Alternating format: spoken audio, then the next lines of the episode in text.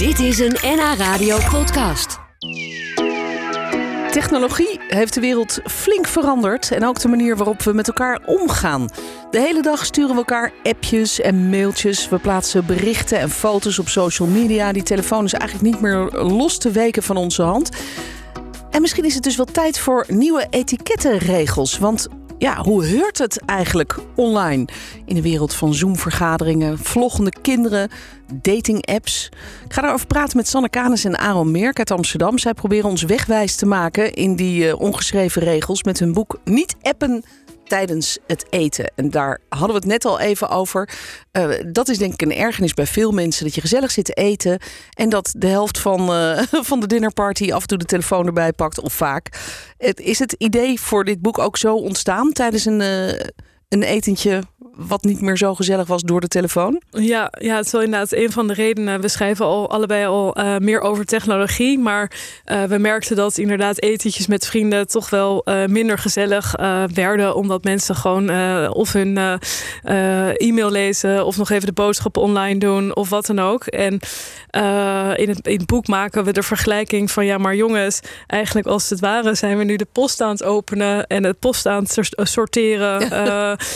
en een hele grote stapel enveloppen aan het wegwerken. dat is toch eigenlijk niet waar we hiervoor zijn. Nee, stel je eens voor dat dat zou gebeuren. Dat, dat je als man en vrouw gezellig uit eten gaat. En dat manlief dan een, uh, een tas vol met brieven pakt. En die daar gewoon eens even rustig gaat zitten openmaken aan tafel. Dan zit je er gewoon bij van lieverd. Ja. Zullen we nog bestellen? Nou, gezellig. maar dat is eigenlijk wel een beetje de realiteit vaak. Hè? Ik, ik hoorde laatst van uh, dat uh, jongeren steeds vaker afspreken om die telefoons gewoon eens op een berg te leggen in het midden van de tafel. En de eerste die hem pakt, moet betalen. Ja, oh, ja een hele goede toch? maatregel toch? Ja. ja. Of een stol waar je je telefoons onder kan leggen. Zodat je ze. Volgens mij, als je hem in de buurt hebt, in je, in je broek of in je, op tafel, dan ga je erop kijken. Dus laat hem in je jas, laat hem in je tas. Zo kan je ook niet appen tijdens het eten. Ja, nee. ik begrijp ook uit jullie boek trouwens dat het not dan is om foto's te maken tijdens het eten. Nou, ben ik wel zo dat als ik ergens een heel mooi opgemaakt bordje eten krijg, dan wil ik daar wel een foto van maken. Dat is niet eens om, om per se op Facebook of op Instagram te zetten, maar gewoon als herinnering. Maar, maar eigenlijk is dat dus ook nog dan, begrijp ik. Nou, met mate kan het wel. Maar de vraag oh, is, okay. kijk je echt nog een Carpaccio uit 2018... kijk je die nog echt terug? En ik denk dat het antwoord vaak nee is. dat is ook weer Toch? waar, ja. Dus... nou ja, heel soms, heel soms dan, dan zeg je... oh, waar was ook weer dat we dat, dat en dat... wat hadden we daar ook alweer? Heel soms dan doe je dat wel eens, maar meestal niet inderdaad. Ja, ja het is inderdaad een fenomeen. Uh, het heet Instagram gets the first bite. In plaats van dat, uh, dat je zelf oh, ja. bezig bent met proeven... dan krijgt eigenlijk de camera de eerste hap.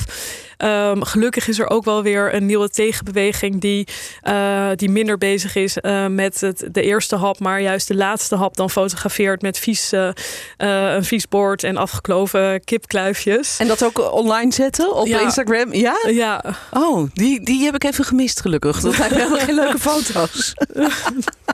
ja, maar je ziet dus wel dat er een soort tegenbeweging aan de gang is. Dat mensen zich wel wat bewuster worden. En dat is misschien ook precies wat jullie met dit boek willen bereiken. Dat mensen even wat bewuster worden van...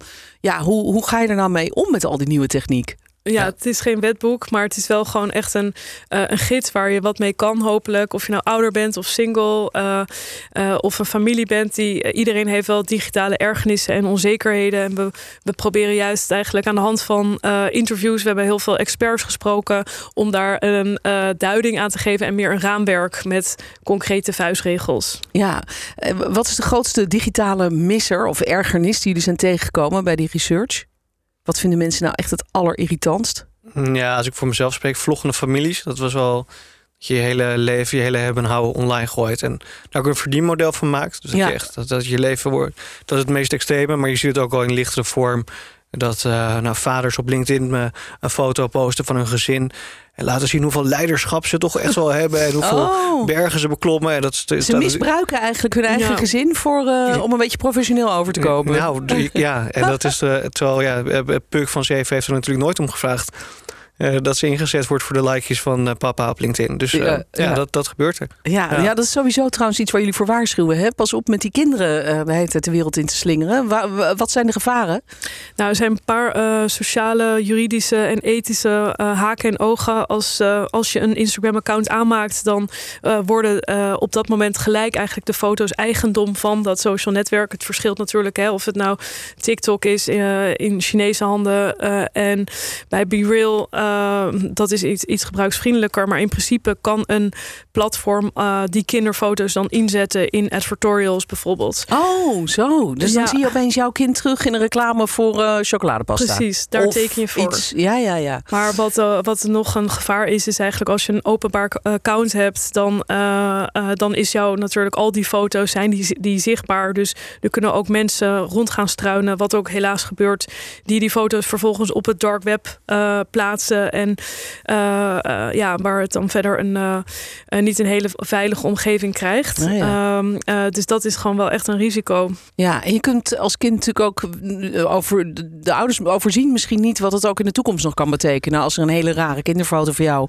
online staat. Je gaat ooit solliciteren en dat ze zeggen: Rob, ben jij dat gekke kind? Met, ja. Met die rare hobby of wat je ook, uh, hoe je ook erop staat. Ja, los van het sociale uh, component. Hè. Misschien wordt het kind wel gepest met die foto. Of waar die net met een chocolademond op staat. Of wat dan ook. Um, is het ook gewoon heel lastig om nu te bedenken wat over tien jaar de technologische toepassingen zijn. En waarschijnlijk hebben we 10, 15 jaar geleden ons ook een beetje vergist in bijvoorbeeld deep take, deepfake technology. Ja. Uh, waarbij je beelden al kan zetten dat het zo echt lijkt. Maar, Jeetje, nou, we hebben net het voorbeeld gezien van, van Welmoed uh, Seidsma, ja. Seidsma die, die zichzelf terugvond in een pornofilm. Een deepfake dan. Hè? Dus dat, dat lijkt me afgrijzelijk. Ja, dat, is, uh, nee, dat is af, afgrijzelijk. En dat die technologie kan, um, uh, die ontwikkelt zich natuurlijk zo snel dat het ja. ook over vijf jaar kunnen we gewoon nog niet overzien wat dat is. Dus oh. daarom is een van onze vuistregels van wees gewoon voorzichtig en raadzaam. Ja, heel verstandig. En jullie bespreken allemaal heikele kwesties in dit boek. In, die spelen in het digitale tijdperk. Ik heb het met veel genoegen gelezen, maar gezien dat ik zelf ook heel veel dingen fout doe. Of nou ja, fout, maar in elk geval zoals dus bijvoorbeeld het fotograferen van je eten in een restaurant. Maar bijvoorbeeld ook als het gaat over de uitnodigingen voor de drie B's. Wat bedoel je met de drie B's? Een bruiloft, begrafenis en babygeboorte. Ja. Oh ja. ja, want ik ga binnenkort trouwen. gefeliciteerd. En nou, dankjewel. Ja, dat is toch superleuk. Het is eigenlijk overmorgen al. Wow. Ja. Uh, maar toen dacht ik, uh, ja, god, de meeste mensen wisten het al wel dat ik ging trouwen. Dus ik heb gewoon inderdaad via de app heb een uitnodiging gestuurd van hey, uh, dan en dan is het, kom je ook. Maar dat is eigenlijk iets wat, wat mensen niet zo waarderen, begrijp ik uit jullie boek. Nou, het is toch hoe meer moeite je voor iets doet. Ik wil, ik, dit wordt heel snel persoonlijk. Ik moet oppassen. Hoe meer moeite je voor iets doet, hoe, hoe romantischer, hoe persoonlijker het wordt. Ja. Vaak. Ja, nou, we hadden wel een heel mooie uitnodiging zelf gemaakt hoor. Dat dan weer wel. Het was niet alleen maar van. Uh, ja, maar dan digitaal. Ja. Dus het was niet alleen maar van hey hoi, ah, kom je vrijdag. Oh ja, we gaan trouwen. Dat, is geen calendar, calendar invite via de mail, gelukkig. hoe, hoe gaat dat? Dat je, dat, je, dat je een tijdslot reserveert in iemands agenda met een soort van agenda-uitnodiging. Dat kan oh. natuurlijk ook nog. Ja, nee. Patricia ja. nodig je uit voor huwelijk. Ja. Vrijdag ja, of de nee. 15e om tien ja, uur. Ja. Oh. Accept? Misschien? Nee. Ja, ja, en het kan nog verder gaan, begrijp ik uit jullie boek. Want er, er was ook iemand die zelfs de, de, de ging zeggen... dan moest je echt aanvinken of je mee ging eten... of wat je wilde drinken of zo. Ja, een vriend van mij die had een uh, uitnodiging gestuurd uh, via Google Forms. Of dat is zo'n enquêteformulier waar je aan moest geven... wat je, um, ja, of je kwam, wat je wilde eten, of je mee at... en of je iemand meenam. Dus gewoon drie vragen.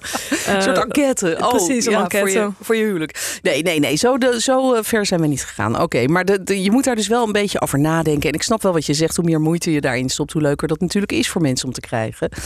Uh, ja, digitale etiketten. Jullie hebben een uh, poging gedaan om het een beetje in, in kaart te brengen wat de regels zijn en waar je je aan moet houden. Ook als het gaat bijvoorbeeld over werksituaties. Wat moet je doen als je in een Zoom-meeting zit en wat vooral niet. We praten zo nog even daarover verder. Ik praat nog even verder met Sanne Kanis en Aaron Meerka uit Amsterdam. Ze schreef een boek over digitale etiketten. Want ja, hoe heurt het eigenlijk in deze tijd van online omgangsvormen? Welke emoticons kun je beter niet meesturen in de app? Mag je persoonlijke verhalen delen op LinkedIn? En wat zijn de grootste ergernissen op die social media? Eentje die jullie beschrijven is stavaritis. Stavaritis? Wat is dat? Stravaritis, ja, sorry. Ja. Wat is dat? Dat is het overtrainen. Dus Strava, laten we beginnen bij het begin. Strava is een app waarbij je als je gaat fietsen of hardlopen, dat kan meten en kan posten. Dan kun je laten zien, ik heb heel hard gelopen, ik heb heel hard gefietst. En er zijn nu topsporters die raken overtraind. Die missen een wedstrijd omdat ze meer bezig zijn met Strava dan met het eh, trainen voor de wedstrijd. Oh, Om te laten zien, ja. kijk, ik ben dus heel erg in vorm. Pas me op, ik vreet je op tijdens de wedstrijd. Halen ze de wedstrijd niet eens. en dat heet Stravaritis. Ja, een hele bijzondere ziekte, inderdaad. het is, en het is ook troostend aan de andere kant. Want we, we hebben het erover, social media, peer pressure. Je bent veel bezig met... eh, Peer pressure, moet je misschien even uitleggen. ja, Wat dus is dat? Je, je ziet al online natuurlijk allemaal hè, perfecte lijven, perfecte levens. Maar dus ook topsporters zijn dus zo bezig met social media... dat ze hun eigen leven ja, daardoor laten bepalen. Dus ook de, ja, de meerdere goden van deze wereld, zeg maar de topsporters... kunnen die druk op social media niet aan. Dus dan is het misschien niet erg dat wij mindere goden dat ook niet kunnen. Nee. Jullie hanteren in het boek een, eh, een nou, makkelijke vuistregel, maar wel een, een, een logische eigenlijk. Namelijk, zou je hetzelfde doen als het niet via internet kon?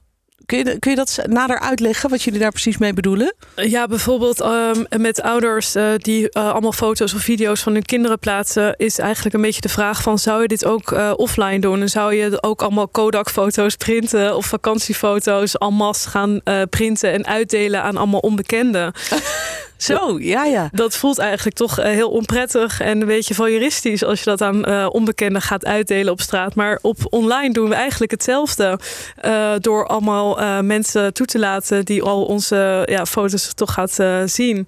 Ehm, en ook bijvoorbeeld bij Twitter, daar gaan, zijn best altijd wel hele verbaal agressieve discussies vinden er Nou, plaats. Zo zeg, mensen kunnen zo onbeschoft zijn Ja, op Twitter. toch? Dat is echt schokkend, vind ik hoor. Ja, en daar, dan zou je eigenlijk dat ook niet offline doen. Dus het echt ehm, eh, zou je ook niet een gesprek zomaar gaan aanknopen en iemand zo erg proberen de verbaal de pas af te snijden. Dus Nee, nee, nee. eh, ja, Nee. daarom is ons advies een beetje doe ook wat je in het echt zou doen. Ja, nog zo'n verschijnsel dat daar misschien mee te maken heeft, waar we het afgelopen jaar veel over hebben gehoord, dankzij onder andere Mark Overmars, eh, is dat sommige mannen het blijkbaar normaal vinden om een dikpik te sturen via WhatsApp of via je, je Insta of weet ik veel wat voor account. Eh, dat doen ze gelukkig in het echt ook niet. Toch, denk ik dan. ik, ja, ik heb het zelf niet echt meegemaakt. Tenminste, toen, toen er nog fotowinkels waren, was ik een kind. Dus ik, ik had me dat moeilijk voorstellen. Maar ik kan me moeilijk voorstellen dat je een foto maakt van je geslachtsdeel... die laat ontwikkelen bij een, weet ik veel, de HEMA of zo, waar dat dan kon. en dat je die dan op de post deed in de hoop dat er een reactie volgt. Ik, Ja. Toch? Ja. Weet je, gebeurde dat vroeger? Nee, toch? Nee, dat, dat, dat denk ik niet. Althans, Nee. ik heb die nooit gekregen, nee. Maar, eh, maar, maar de vraag is ook een beetje, want daar gaat het in dit boek natuurlijk ook over. Hoe ga je daar nou mee om? Als, als zoiets jou gebeurt, wat, wat doe je dan? Ja, in dit geval is het, eh, is het het best om maar te negeren of eh, eh, ja, om, om, om, om zelf misschien ehm, eh, een, ge, een gewiekst antwoord erop te geven. Maar in het algemeen is het ehm, eh, toch belangrijk dat je stilstaat. Hè, van gij wilt niet dat u geschiet, doe dat ook een ander niet. Hè. Ja. Als je bijvoorbeeld iemand gaat ghosten online, dus ghosten, iemand eigenlijk gewoon in de kou laten staan en nie- niet, Niet meer meer terug reageren. reageren.